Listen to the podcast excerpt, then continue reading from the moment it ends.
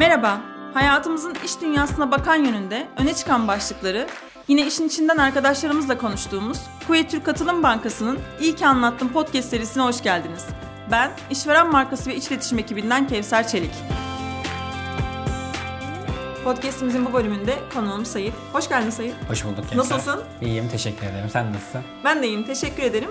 Ee, önce seni tanıyalım mı Sayit? Biraz Tabii kendinden ki. bahsedebilirsin. Ee, ismim Sait. Ee, yaklaşık 6 yıldır Kuveyt Türk'te çalışıyorum. Neredeyse 6 yıl olacak. Ee, bununla birlikte 2017 yılında mezun oldum. İşletme bölümü mezunuyum. Ee, Kuveyt Türk'ün bir iki farklı departmanında e, çalışma fırsatım oldu. İlk olarak strateji planlama ve kurumsal performans yönetimi diye adlandırdığımız bir departmanda 4 yıl kadar çalıştım. Akabinde de bir, e, bir yıldan neredeyse biraz daha uzun bir süredir de müşteri analitiği ve içgörü diye adlandırdığımız e, bireysel pazarlamanın altında diğer bir departmanımızda çalışıyorum. Özellikle isimleri uzun departmanları Evet seçiyorum evet diyorsun. kısa departmanlarla çok aram yok böyle e, söylerken yorulayım zorlanayım o kaosu seviyoruz diyelim. E, bu şekilde Kuveyt Türk'teki hayatım. Aynı zamanda bir yüksek lisans e, şansım oldu deneyimleme. E, finans mühendisliği ve risk yönetimi üzerine bir e, tezli yüksek lisans programı yaptım. Bitirdim yaklaşık bir yıl önce. Harika. E, bu şekilde şimdilik e, hayatım diyebilirim. Ee, güzel. Peki e, hayatın diğer bir e, prizmanın diğer yönüne bakacak olursak e, kendine ait süreçlerinde e, seni iyi hissettiren neler yapıyorsun? E, özel hayatına dair de paylaşmak istediğin rutinlerin olur mu? Hı hı, Tabii ki. Ee, ya şöyle şey yapabilirim. Ee, hani mesleğimle de alakalı ama ben çok böyle bir piyasa sevdalısıyım.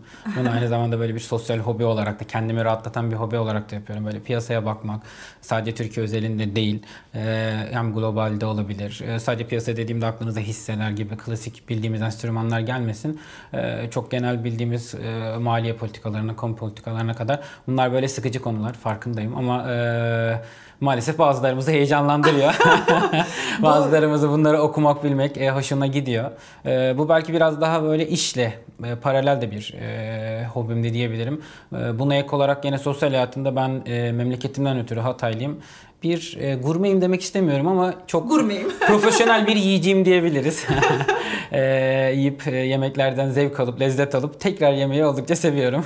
O zaman sen gezilerin de muhtemelen Tabii gezilerim de var bu konuda. Kendi tabii e, kendi çapımızda tabii bir profesyonel e, bağlamda değil ama geziyoruz, tozuyoruz, yiyoruz. Sonra tekrar geziyoruz, tozuyoruz. hayatın tadı. Evet, arada kendimiz yapıyoruz, gene yiyoruz. E, güzel oluyor o şekilde. Var mı bir aşçılık tarafında Ya mı? gene profesyonel olarak adlandırmazdım ama biraz hani hem doğduğumuz coğrafyadan gelen hem de bu kadar istekli ve iştahlı ve aç olduğumuzu da düşünürsek doğal olarak gelişmiş kendi seviyemde bir aşçılığım olduğunu söyleyebilirim. Zaten profesyonellikten ziyade amatör ruh bunlarda Evet, e, lezzeti daha, arttırıyor. Evet, ortaya çıkarmasına Kes- yardımcı kes- oluyor. Kesinlikle katılıyorum. Şimdiye kadar en azından eşim şikayet etmedi yemeklerimden öyle diyeyim. Herhalde iyidir diye umut ediyorum.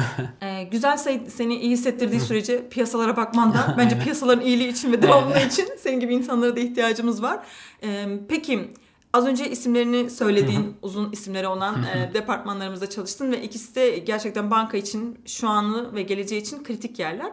Ee, birazcık e, neler yaptığından strateji tarafında da şu an e, mevcut konumda da neler yaptığından bahsedebilir misin? Tabii ki. Ee, stratejide e, genel anlamda kısaltacağım bu arada. Strateji diyeceğim artık uzun uzun yormayalım hem siz hem dinleyicilerimizi. Ee, stratejide genel anlamda bir performans yönetimi bacağında çalıştım. Burada bankanın ve bankanın e, alt birimlerinin e, performans yönetimi alanında çalıştık. Bunların hem hedeflerinin planlanması hem takibi e, bazen de arkasında e, aksiyon planlarının alınması ilgili sonuçlara binaen diyebiliriz. Bununla birlikte çok dönemsel yaptığımız finansal raporlamalar ya da talep bazlı EDOC dediğimiz tek seferlik bir konu özelinde raporlamalarımız oldu. Bununla birlikte tabii isminden de anlaşılacağı üzere bir strateji planlama bacağı da var. Bunlar genellikle 3 ya da 4 yılda bir yapılan uzun, kimi zaman 6 ay, kimi zaman 1 yıl süren bütün kurumun, bankanın e, stratejisinin yeniden şekillendirildiği, yeniden planlandığı e, dönemlerimiz de oldu. E, Bununla birlikte işte bütçe süreçleri olabilir. Bazen e, kamu otoritelerine BDDK olabilir, Merkez Bankası olabilir.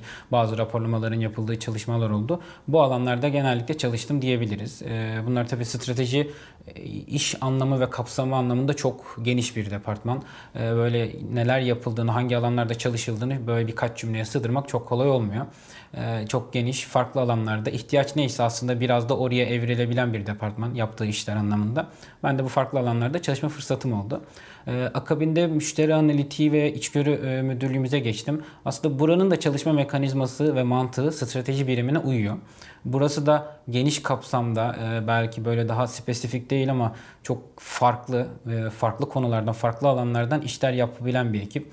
E, analitik modellemeler yapabiliyoruz. Bildiğiniz algoritmalarla bankanın temel ihtiyaçları da olabilir. Bazı spesifik ihtiyaçları da olabilir.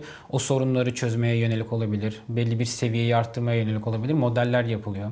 Aynı zamanda çok kıymetli gördüğüm iki psikolog arkadaşımız var. Bunlarla birlikte içgörü çalışmaları yapılıyor. Bu arkadaşlarımız bildiğiniz direkt verinin aslında bulamadığı kimi zaman veya kimi zaman tam resmedemediği alanlarda müşteriye ya da ürüne direkt dokunup o aradaki görülmeyen hususları çizen arkadaşlar, bulmaya çalışan arkadaşlar. Kimi zaman bunlar bir anket olabiliyor, kimi zaman birebir e, müşterilerimizle görüşebiliyorlar, kimi zaman odak çalışmaları oluyor.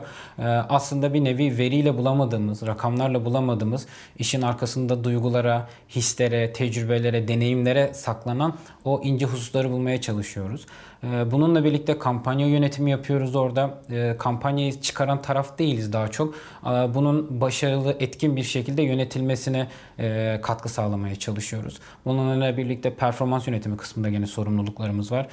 Şubelerimizin e, ya da bireysel pazarlamanın altında çalışan ilgili şube olabilir, portföy olabilir.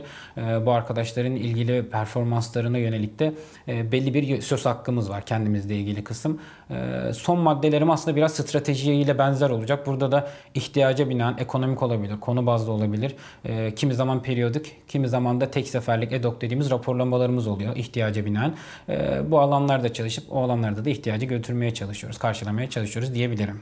Harika Sayın. E, gerçekten önde maddeler varmışçasına evet. anlattın e, tek tek.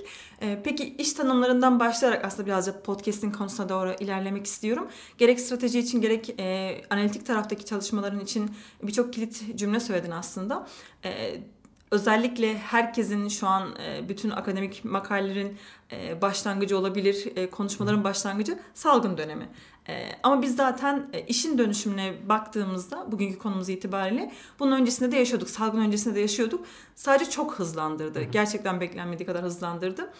Direkt senin deneyimlerinden yola çıkarak sormak istiyorum aslında. Stratejide e, büyük resmi, hep konuştuğumuz büyük resmi görebileceğim bir alanda çalışıyordun. E, ve geçmişin de gerek e, sorumlu olduğunuz alanların gerek kurumun geçmişini de göz önüne alarak ilerletiyordunuz. Analitik tarafta da psikolog arkadaşlarla çalışıyoruz dedin. E, analitik tarafı düşündüğümüzde ilk aklımıza aslında sosyal bilimler e, gelmez ya da gelmezdi daha doğrusu. Psikologla çalışmak, e, onlarla e, süreçleri yürütmek artık sadece geçmişi değil, geçmişten aldığımız bilgiyle geleceği şekillendirmek değil de geleceğe yönelik, gelecek bizi nasıl bekliyor bunları tahminleme üzerine e, çalıştığınızı anlıyorum söylediklerinden. E, nasıl görüyorsun senin deneyimlediğin haliyle işin dönüşümü, e, bu yıkımdan, yaratıcı yıkım diye bahsediliyor. Bu süreci nasıl deneyimledik ve nasıl ilerleteceğimizi öngörüyorsun? Şimdi aslında iki çalıştığım departman anlamında da belki bu konudaki şanslılardandım. Tabi bakış açısına göre değişir. Bu bahsedilen değişimleri belki e, en öncül, en erken yaşayan birimlerden biriydik. İhtiyaca binaen aslında bunlar oldu. İki taraf için de bunu söyleyebilirim. Hani bundan 2-3 yıl öncesinde bu departmanlar ne yapıyordu ve şu an ne yapıyor kıyasladığımızda aslında ciddi farklar var arada. Bu hem pandemiyle dönüştü. Ee, aslında pandemiyle pandemiye de ek olarak zaten ihtiyaçlar e, ve piyasanın gereklilikleri e, bunları aslında zorladı bir nevi. E, ya o dönüşümleri yapacaktınız hayatta kalabilmek adına kurumsal anlamda ya da aslında rekabette geri düşecektiniz. Bunu strateji anlamında da gördük. Nasıl gördük? Örnek vermek gerekirse e, yaptığımız bazı performans yönetim e, metrikleri kimi zaman değişti. E, belki bazı dönemlerde daha e, nihai sonuç odaklı yaklaşımlarımız vardı. İşte e, kâra, krediye, mevduat dediğimiz tabirlere belki ilk başlarda daha çok odaklanıyorduk. Ama aslında bundan biraz daha e, sürece yönelik, belki buna hizmet edecek, yine günün sonunda karı, mevduatı hedeflenecek şeyler ama işi artık daha alt seviyelerde, daha ona giden yolu e, besleyecek mekanizmalara evrildi işler. Bununla birlikte gene stratejide de vardı aynısı. E, şimdi çalıştığım departman için de söyleyebilirim. İş ayrımları daha belirgindi. E, şu arkadaş biraz daha bunlardan sorumlu, bu arkadaş biraz daha bunlardan sorumlu diyebiliyorduk. Ama öyle bir döneme gelindi ki artık bu ayrımlar aslında birimleri ve çalışanları geri çekmeye başladı. Aslında herkesin birden fazla alanda belki tabii ki herkes her şeyi bilemez ama e, birkaç alanda e, iç içe geçmiş şekilde e, belli seviyede uzmanlık sahibi olması gerekti. Belli seviyede günün sonunda çıktılar masaya koyabilmesi gerekti. Bu hem bankanın hızlı sonuçlara ihtiyacı olduğu için hem de aynı zamanda yeni alanlar da çıktığı için belki de bazen bir alanla alakalı bir konu ya da bir soru geliyor diyelim. Bazen o bank banka içerisinde o konu ya da o soruyla alakalı uzman bulamayabiliyorsunuz. Yani Hı. orada aslında o uzmanlığı çok kısa sürede kimi zaman belki birkaç ayınız oluyor. Yani burada yıllar bile olmayabiliyor. Birkaç ay içerisinde o konuyla alakalı bir uzmanlık geliştirip bir belki vizyon geliştirip bir perspektif geliştirip ortaya bir sentez çıkartmanız gerekiyor. Bu da neye sebebiyet verdi günün sonunda? Artık insanlar çok daha e, her alanda çalışabilecek e, bir nevi öğrenme uzmanları oldu. Bu aynı zamanda bir müşteri analitiği ekibimizde de oldu. İnsanlar farklı alanlarda ya hızlıca öğrenmeye başladı ya da hızlıca bu alanlarda birbiriyle çalışabilir hale gelmeye başladı. Mesela şu an çalıştığım departmandan örnek vereyim. Bir nevi aslında şöyle e, konuştuğumuzda fıkra gibi geliyor. Bir Fransız, bir İngiliz oturmuşlar gibi. Bir endüstri mühendisimiz oturuyor, bir psikolog oturuyor. Benim gibi bir işletme mezunu oturuyor. Ve bunlar aynı şeyi masaya koyarak değil, kendilerine öz has e, şeyleri masaya koyarak e, bir arkadaş algoritmasıyla geliyor. Diğer arkadaş müşterilerle yaptığı görüşmeden aldığı çıktılarla geliyor. Belki benim gibi gibi bir işletme mezunu arkadaş da temel finansallarla gelip masaya oturuyor ve günün sonunda bu üç taraf birlikte bir sentez yapmaya çalışıyor. Ve bu aynı zamanda o bahsettiğin dönüşümde de psikolog arkadaşlarımız şu an mesela belki çok şaşıracaksınız. Bu arkadaşlar algoritma da biraz biliyorlar. Biraz finans da öğrenmişler. Diğer tarafta mühendis arkadaşlarımız algoritmalarıyla birlikte onlar da finans öğreniyor. İçgörüleri, içgörü diye adlandırıyoruz. Onları o psikologlarımızın sonuçlarını, orada yapılan çalışmaların sonuçlarını kendi çalışmalarına yedirebilecek, e, dahil edebilecek bir perspektif, bir bakış, bir uzmanlık getirmeye çalışıyorlar. Tabii böyle baktığımızda aslında o dönüşümde insanların çok hızlı bir şekilde adapte olmasının ihtiyacı e, ortaya çıkıyor. Çünkü aksi takdirde bunu yapamazsanız yapan firmaların, yapan e, kişilerin arkasında kalmış olacaksınız. Bu da sizin ciddi manada rekabet gücünüzü piyasada etkileyecek. Burada belki en kritik şey o şeyi biliyor olmak değil artık. O şeyi ne kadar hızlı öğrenebilecek olmak. ee, yani ben inanıyorum ki ileride de firmalar buna şey, e, yönelecek. Belki işe alırken e, açtığı alanda o kişinin uzmanlığı yok ama o kişinin ne kadar hızlı öğrenip ne kadar hızlı kapabileceği belki artık e, rekabette de çalışan anlamında da artık kurumsal anlamda konuşmuyorum. O çalışanı öne geçirebiliyor olacak. Ya biz bu arkadaşı 3 ayda bunu öğretiriz. Bunu 1 yılda öğretiriz. Belki zaten o 3 ayda onu öğrenebilecek arkadaş sadece o faktörle diğerinin önüne geçip belki o alanda çok daha hızlı e, yükselebilecek. Bu tarzda öne çıkan bir husus olduğunu düşünüyorum. Dolayısıyla aslında işe alımı yaparkenden başlıyor senin bahs- bahsettiğin süreç. Çünkü e, insanları tanıma materyallerinin de, de değişmesi gerekiyor. Oradaki araçların e, Said'in ne kadar hızlı öğrenip öğrenmediğini anlayabilecek e, kapasitede geliştirme yapmam gerekiyor benim e, insan kaynağının niteliğini anlama anlamında. Bunun dışında e, senin bahsettiğinden kurumun e, buna olan yönün yani yönünü buna çevirmesi, stratejisini buna çevirmesi kişileri de besleyen bir süreç. E, yani sen işletme mezunu olarak sadece dediğin gibi e, işletme mezunlarıyla beraber çalıştığın bir e, senaryoda böyle bir beslenme fırsatınız yok birbirinizden ve bu bunun e, kaçınılmaz olduğu bir yana insanın e, öğrenmeden duyduğu hazzı o e, temel mutluluk diye adlandırılıyor. Hatta öğrenmenin mutluluğunu tatma Hı-hı. hali. Bunu da yaşıyorsunuz gibi görünüyor ve ortaya eminim çok farklı şeyler Kes, çıkıyor. Kesinlikle katılıyorum. Hani e, biraz önce bahsettiğimiz gibi o e, mühendis arkadaşlarla bir algoritma ile alakalı örnek veriyorum. Bir toplantı olduğunda arkada onları dinlerken sanki bir üniversitede bir öğrenci edasıyla böyle heyecanla, o şevkle onları dinleyip bir şeyler öğreniyorum. Aynısı böyle psikolog arkadaşlar bir müşteri görüşmesi yaptığında biz de arkadan bir dinleyici olarak katıldığımızda inanır mısınız böyle bir e, çocuk e, su bir edayla böyle gözlerimizi açıp e, kulaklarımızı açıp daha doğrusu diyeyim hani şeyle e, ne hevesle evet ne anlayabiliriz böyle neler yapıyorlar. Çok farklı şeyler de tabii çıkıyor. Hiç e, bilmediğiniz belki zihninizde tabular e, yıkılmaya başlıyor. Çok farklı şeyler öğreniyorsunuz. E, bu da bahsettiğiniz e, sistemleri şey yapıyor. Hatta belki şöyle bir ek yapabilirim. İnsan kaynakları anlamında da e, şöyle bir e, şeyi seziyorum. Hem görüyorum bir kısmı da kendi e, işte sezgilerime ve gördüklerime dayalı diyebilirim.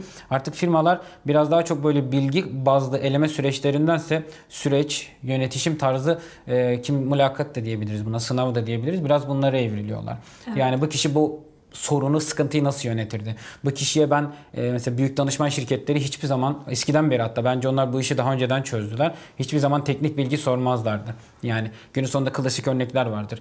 Bu odaya, içinde bulunduğumuz odaya kaç tane beyzbol topu sığdırırsın? Adam bunu bilip bilmemenle ilgilenmiyordu aslında. Günün sonunda adam bu bilgiyi bilmiyorsun. Bu bilgiye nasıl ulaşırsın? Senin buradaki metodolojin nedir? Bir anda panikliyor musun? Yoksa elinde olan şeyleri kullanarak bir çıktı bir sentez yapmaya çalışabiliyor musun? Ee, aslında bunu bulmaya çalışıyordu. Şu an Yaklaşımdan evet bu yaklaşım e, inanıyorum ki şu an bütün firmalarda yaygınlaşmaya başladı. İnsanlar adayı alacağı adayı e, teknik sınavlara sokmakla birlikte bazen hiç sokmaya da biliyorlar. Bazen onun ağırlığını azaltıyorlar. Bununla birlikte bu tarz e, değişime uygun mu? Hızlı öğrenebiliyor mu? Hızlı bir şeye adapte olabiliyor mu? Farklı bir senaryo, farklı bir şey koyduğumda önüne. Çünkü biliyor ki artık e, iş hayatında önüne gelen case'ler standart olmayacak. Eskiden biraz da usta çırak ilişkisi vardı. Usta belki e, ustası olan kişi sana e, karşılaşabileceğin şeylerin %80'ini öğretip seni bir seviyeye getirebiliyordu. Ama şu an o ustası dediğimiz kişinin bile karşılaştığı vakaların %50'si ilk defa gördüğü şeylerden oluşuyor. Evet. Böyle olduğunda artık e, bilgiyi bilmekle birlikte tamam bilgi sahibi olmak e, kritik. Elzem bunu hiçbir zaman şey yapmıyoruz ama bilgiyi ne kadar hızlı sentezleyebildiğin, yani onu alıp içselleştirip ne kadar hızlı sentezleyebildiğin ve belki bu kısım da kritik ne kadar kendine özgün bir sonuç e, üretip onu e, çalıştığın yer adına da ve kendi adına da kayda değer bir şekilde sunabildiğin de kritik diye düşünüyorum. Kimliğini orada belli Tabii. etme hali. Yani hepimiz aynı bilgiyi alıyoruz. Günün sonunda hepimiz aynı bilgiyi özümsüyoruz. Ama sen çok farklı bir sentez ortaya çıkartıyorsun. Kendi başarı hikayeni yazıyorsun. Hem kurum anlamında e, hem kendi anlamında. E, Bunu ben alıyorum. Ben farklı bir sentez yapıyorum. O da benim ayrı hikayem ve faydam oluyor kuruma. Ya zaten e, bilgiyi tüketen insanlar olarak, e, her yerden bilgiye maruz kalan insanlar da olarak e, bilginin çok bir önemi kalmadı dediğin gibi. Her yerden ulaşılabiliyor çünkü. E, ve burada kritik sonuç e, seçebilme, bilgiyi seçebilme, ayıklayabilme. işte kimlik burada da e, ortaya çıkıyor aslında. E, sayıda doğru gelen, iyi gelen, e, nedirle Kevser'e iyi gelen çok farklı cevapları var. Ve zaten kurumlar da bu soruların cevaplarını vererek kendi bünyesine insanlar katmaya çalışıyor.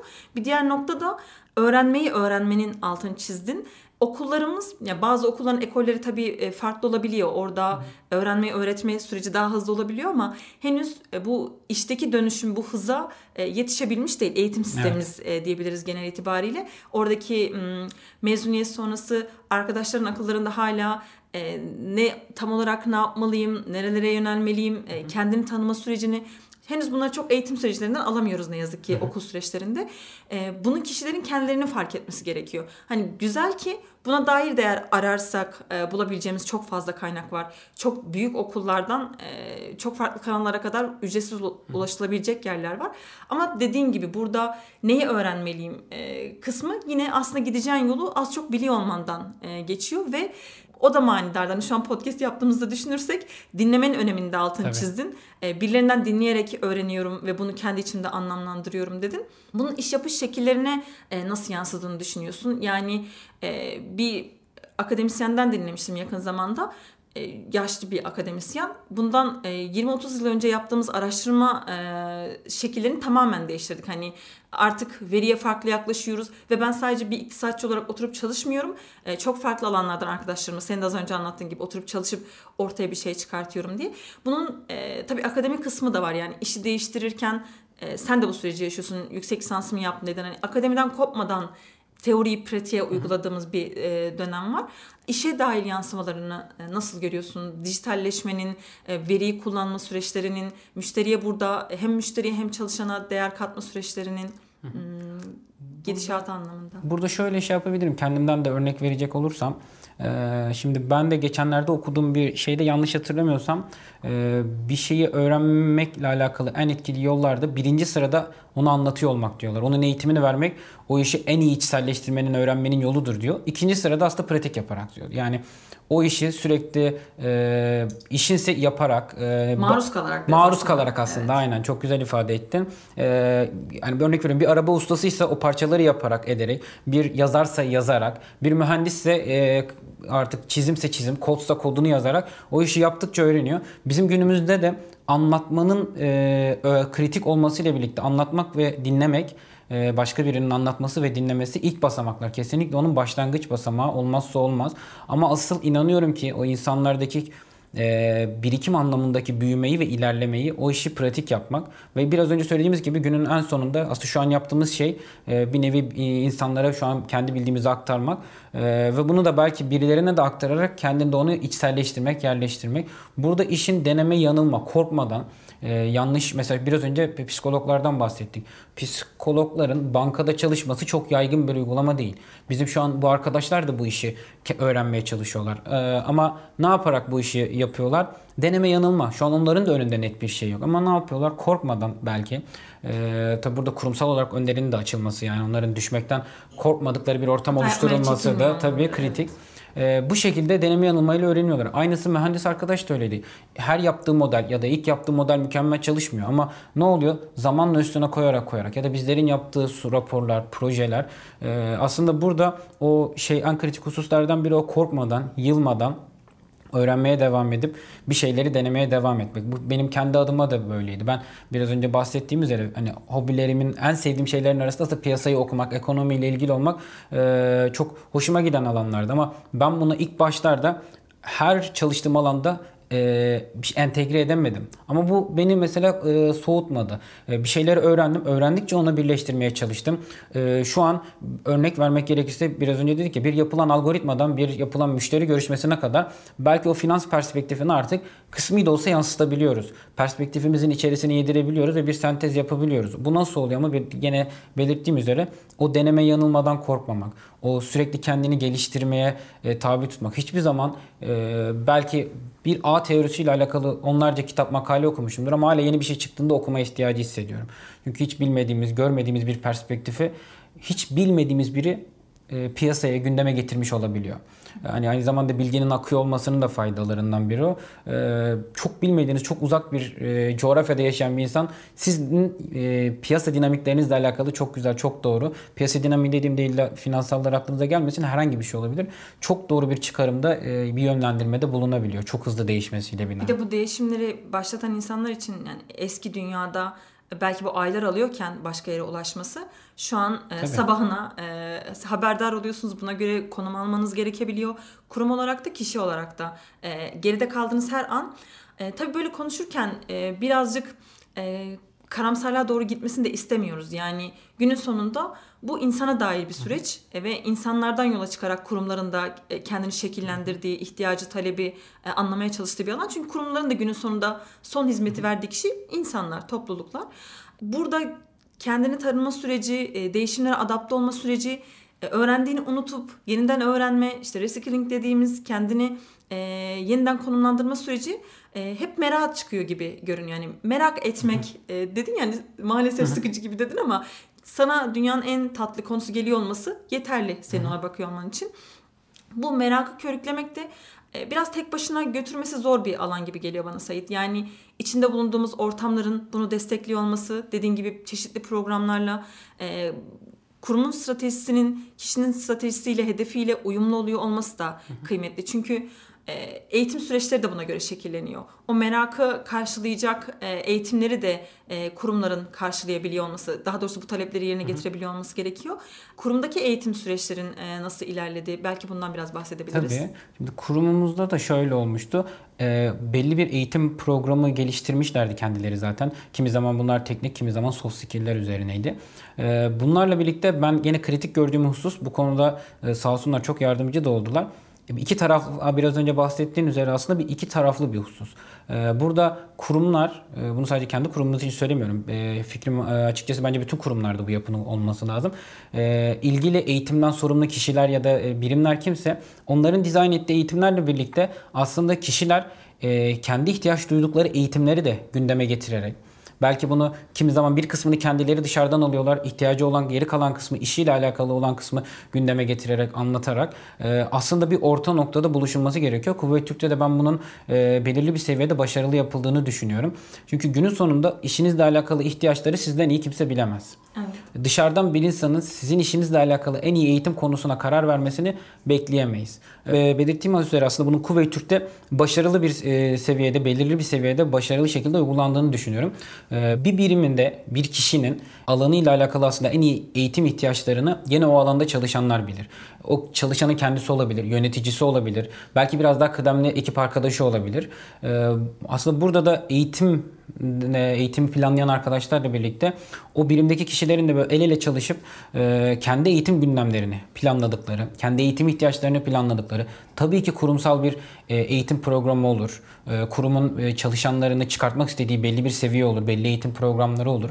Ama bununla birlikte o kendi departmanların kendi niş ihtiyaçlarına yönelik de eğitimleri birleştirdiğinizde, eklediğinizde o havuzda ve buradan bir genel eğitim perspektifi çizdiğinizde aslında inanıyorum ki çok daha başarılı bir hale geliyor ki kurumlar o eski standart e, eğitim tabiri caizse eğitim listelerinden programlarından artık biraz daha buna yöneliyor. Bizim e, kurumumuzda da aslında bir, bir benzeri var. Hani bu şekilde kendi e, kariyerinizde, kendi gelişiminizde almak istediğiniz eğitimleri e, kurumla konuşup e, bunları bir plan çerçevesinde aslında alabiliyorsunuz ki bu da o işin gelişimi için, o kurumun gelişimi için, çalışanın gelişimi için e, inanıyorum ki en kritik hususlardan biri. Çünkü o çalışan artık biliyor ki ben bunu öğreneceğim. Biraz önce bahsettik Sayit ekonomi e, herkesi motive eder etmez konusu. Şimdi o arkadaş bilecek ki o eğitimi kurumda almasını istiyor. İhtiyacı olan desteği de sunacak ve günün sonunda yöneticisi, çalıştığı arkadaşlar da zaten o eğitimin kurum tarafından bu iş için verildiğini bildiği için işler ister istemez oradaki gelişim çerçevesinde e, yansımaya başlayacak. Çok kısa bir örnek benim bir arkadaşımız daha geçenlerde konuştuğumuz bir örnekti. Bir kampanya yönetimiyle alakalı bir eğitim almıştı. Hala alıyor galiba bir e, uzun bir eğitimde henüz bitmedi diye biliyorum. Orada öğrendiği e, çok hoşuna giden birkaç metot ve anekdot üzerine mesela hemen ertesi gün geldi heyecanla bunu anlattı. E, ve şu an biz o eğitimi kendisi bitirdikten sonra gelip birime e, ekip arkadaşlarımıza o eğitimle alakalı kısa bir brief vermesini ve arkasında da bunu nasıl uygulayabileceğimiz üzerine tartışmayı Aksiyona bekliyoruz. Aksiyona geçmeyi planlıyoruz. Yani düşünün bir insan bir eğitim aldı. Daha eğitim alırken içerisinde bunu heyecanla geldi size anlattı katma değerli bir eğitimde gerçekten o anlattığında düşün evet gerçekten bunu işte uygulayabiliriz ve arkasında bütün ekip toplanıp gerçekten bunu hangi alanlarda kendi işimize uygulayabiliriz yansıtabiliriz de kafa yoracak yani. Ve aslında Sait söylediğin insanın sıfırken yani herhangi bir deneyim yokken eğitim alması da eğitimsiz e, tamamen pratikle yoluna devam etmesi de imkansız gibi görünüyor evet. bundan sonrasında ki e, şimşekler çaksın, nerede uygulayabileceği de aklına gelsin ya da eğitimle yeni metotları da öğrenebilsin. Sen az önce e, birimler ihtiyaçlarını kişiler belirtmeli kısmını söylerken e, gelişim mutfağı sürecimizde e, bizim yeni kariyer yapımız e, biliyorsun bir senedir de kurumumuzda uyguluyoruz. E, tek tek e, bütün birimlerimizle, yöneticilerimizle, yöneticilerimiz arkadaşlarıyla konuştuktan sonra e, bizim bunlara ihtiyacımız var. Sadece bugün için de değil. Bugün işimin ihtiyacı bu ama geleceğe yönelik süreçlerimiz de bunlar deyip orada e, sertifika programlarını, eğitim gelişim programlarını tek tek dizayn ettiğimiz geldi aklıma. Bu tabii dediğin gibi kişilerin zorladığı süreçler. Diğer yanda ben senin kurumda e, veri bilimi süreçlerine katıldığını da biliyorum. Belki oradaki e, kurumun stratejisini ve senin iş adın deneyimi de e, senden alabiliriz. Tabii veri e, hem veri analisti hem de veri modelleme belki adları hafiften değişmiş olabilir e, güncel eğitim programında. Veri nimet olarak evet, başlayıp veri, nimet, şu veri an, bilimiyle devam aynen. ediyor sanırım. Ee, mesela o eğitimlerde gene gönüllülük esasıydı. Hatta ilk başladığında çok az başvuru vardı diye hatırlıyorum hatta. Çünkü biraz hem yeni bir alandı hem de sınıflar da küçüktü. Çok bu alan bilinmediği için çok o alanda çalışıp çalışmak istemediğine karar veren insanlar da yoktu. Mesela şu an onu belki kurumda e, her yıl yanlışım yoksa 60-70 kişilik sınıflar alıyor. E, eğitim grupları oluşturulup. E, bu perspektifte biz o eğitimi ilk aldığımızda hatta benden önce de alan arkadaşlar vardı. Ben yanlış hatırlamıyorsam 2 ya da 3. gruptum alan. E, neredeyse hiçbir uygulaması yoktu e, iş yerinde. Yani bu alınan veri e, manipüle etme, veri çekme diyelim, veriye ulaşma, e, bunları bir şekilde manipüle edip anlamlı raporlar sunma çok bilinen, uygulanan şeyler değildi. Ama bu arkadaşlar kendime dahil olarak bu eğitimlere giderek aslında bir inisiyatif al, alındı ve orada o öğren o öğrendiğiniz şeyle bir öğrenme eğrisi oluşturulup aslında günün sonunda onunla birlikte öğrenmemiz devam etti. Çünkü o sadece işin başlangıcıydı. Biraz önce söyledim ya birinin anlatması, dinlemen o işin sadece başlangıç kısmı ve küçük bir kısmı aslında. Onu pratik yaparak, onu işte uygulayarak o öğrenme eğrisi e, devam etti ve günün sonunda şu an kurumda çok ciddi bir e, veri yönetme, veriye ulaşma, veriyi bir şekilde e, manipüle ederek hani manipüleden kastımız veriyle oynayıp anlamlı sonuç çıkarma diyoruz. E, başarılı raporlar üretme, kayda değer sonuçlar alabilme, aksiyon planları çıkarabilme gibi sonuçlara ulaştık ki daha da bunun gidecek çok alanı vardır. Belki buradan sadece şuna değinerek e, burada sözüme bitirebilirim. Biraz göz korkutucu e, şekilde anlattığımızı düşünüyorum şimdiye kadar konuştuğumuz her şeyi. Her şey çok hızlı değişiyor. Sürekli öğrenmeniz lazım. E, bunu yapmak lazım, bunu okumak lazım, bunu bilmek lazım, asla durmamak lazım diye. Aslında burada çok ciddi de fırsatlar barınıyor. Ben belki bunu söylemezsem e, eksik bırakmış gibi hissediyorum. Eskiden bir iş alanının oluşması için, bir uzmanlığın oluşması için belki yıllar gerekiyordu. Ama şu an artık ihtiyaçlar o kadar hızlı evriliyor ki alan yeni alanlar o kadar hızlı ortaya çıkıyor ki e, hiç kimse bilmediği için o alanı siz sadece birkaç yıl belki o alanda kendinizi geliştirerek, eğiterek belli bir uzmanlık seviyesine gelip aranan insan olabiliyorsunuz. Katma değer üreten bir insan olabiliyorsunuz. Çünkü günün sonunda o yeni alan ortaya çıktığında 30 yıldır e, bankada çalışan kişi de e, siz de diyelim ki yeni başlayan bir insansınız o olaya aynı uzaklıktasınız. Dolayısıyla orada artık olay kimin o bilgiye daha hızlı ulaştığı, daha hızlı onu e, belki özümsediği ve hem kuruma faydalı olacak şekilde hem de kendine faydalı olacak şekilde e, bir şey üretebildiğine bağlı kalıyor. Ve günün sonunda şu an düşündüğümüzde bundan 3 e, yıl önce adını bilmediğimiz işler, e, title'lar var şimdi yapılıyor. Muhtemelen bundan 3 yıl sonra da şu an adını bilmediğimiz bir sürü iş olacak. Veyahut adını bildiğimiz bazı işler yok olmuş olacak. Kesinlikle. Dolayısıyla burada aslında ciddi bir e, kabul ediyorum birazcık göz korkutucu bir e, kısmı da var. Ama orayı geçtiğimizde aslında çok ciddi bir potansiyel. Burada hem e, mevcutta çalışan uzun süreli kıdemli e, arkadaşlarımız için de hem de aynı zamanda işe yeni başlayan insanlar için de düşündüğümüzde çok büyük bir alan var. İstediğiniz yere e, kendinizi yöneltip, istediğiniz alanda kendinizi çalışıp, tabiri caizse belki mutlu olduğunuz alanı bulup ve onunla çalıştığınız kurum, banka olsun, bir teknoloji şirketi olsun hiç fark etmez. Bir katma değer üretip üreten hale geldiğiniz sürece o artık sizin işiniz, sizin ürettiğiniz değer ve siz kendi alanınızı, e, kendi hareket alanınızı, kendi aksiyon alanınızı, kendi çalışma alanınızı oluşturmuş oluyorsunuz. Bu eskiden 20 yıl önce e, insanların yapabildiği bir şey olduğunu düşünmüyorum. Zaten baktığımızda görüyoruz. Ama şimdi insanlar bunu yapabiliyor. Bence oradaki o risklerden ve korkutucu husustan çok buraya odaklanıp bu kendimizi aynen e, motive etmek için e, bu alana odaklanıp, işin bu kısmına odaklanıp e, geleceği görmemiz, geleceğe ulaşmaya çalışmamız gerektiği düşünüyorum. Çok güzel e, özetledin aslında Sayit ve ben bunun e, kendi kariyer, kariyer hayatımda somut bir örneğim aslında. 5 yıl önce e, bu bölüme başlamadan önce çalıştığım yerdeyken böyle bir birim yoktu bizim kurumumuzda ve şu an o birimde uzun yıllarda çalışıyor oluyorum aslında. E, bunun dışında e, işin dönüşümü hep olan bir şeyden insanlık tarihi içinde teknoloji çünkü hep gelişen bir süreç ama bu kadar hızlı gelişmiyordu ve dediğin gibi bireysel öğrenmeye, bireysel gelişme bu kadar katkı sağlayacak düzeyde değildi.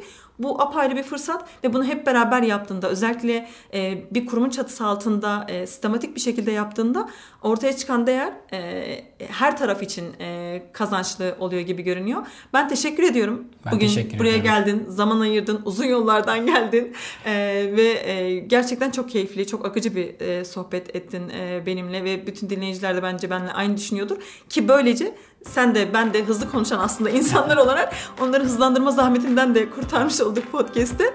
Ee, tekrar e, teşekkür ederim. Ağzına sağlık. Ben ben teşekkür ediyorum. Hem burada dinlediğiniz için hem burada böyle konuşma fırsatı sağladığınız için. Çok teşekkür ediyorum. Görüşmek üzere. Görüşmek üzere.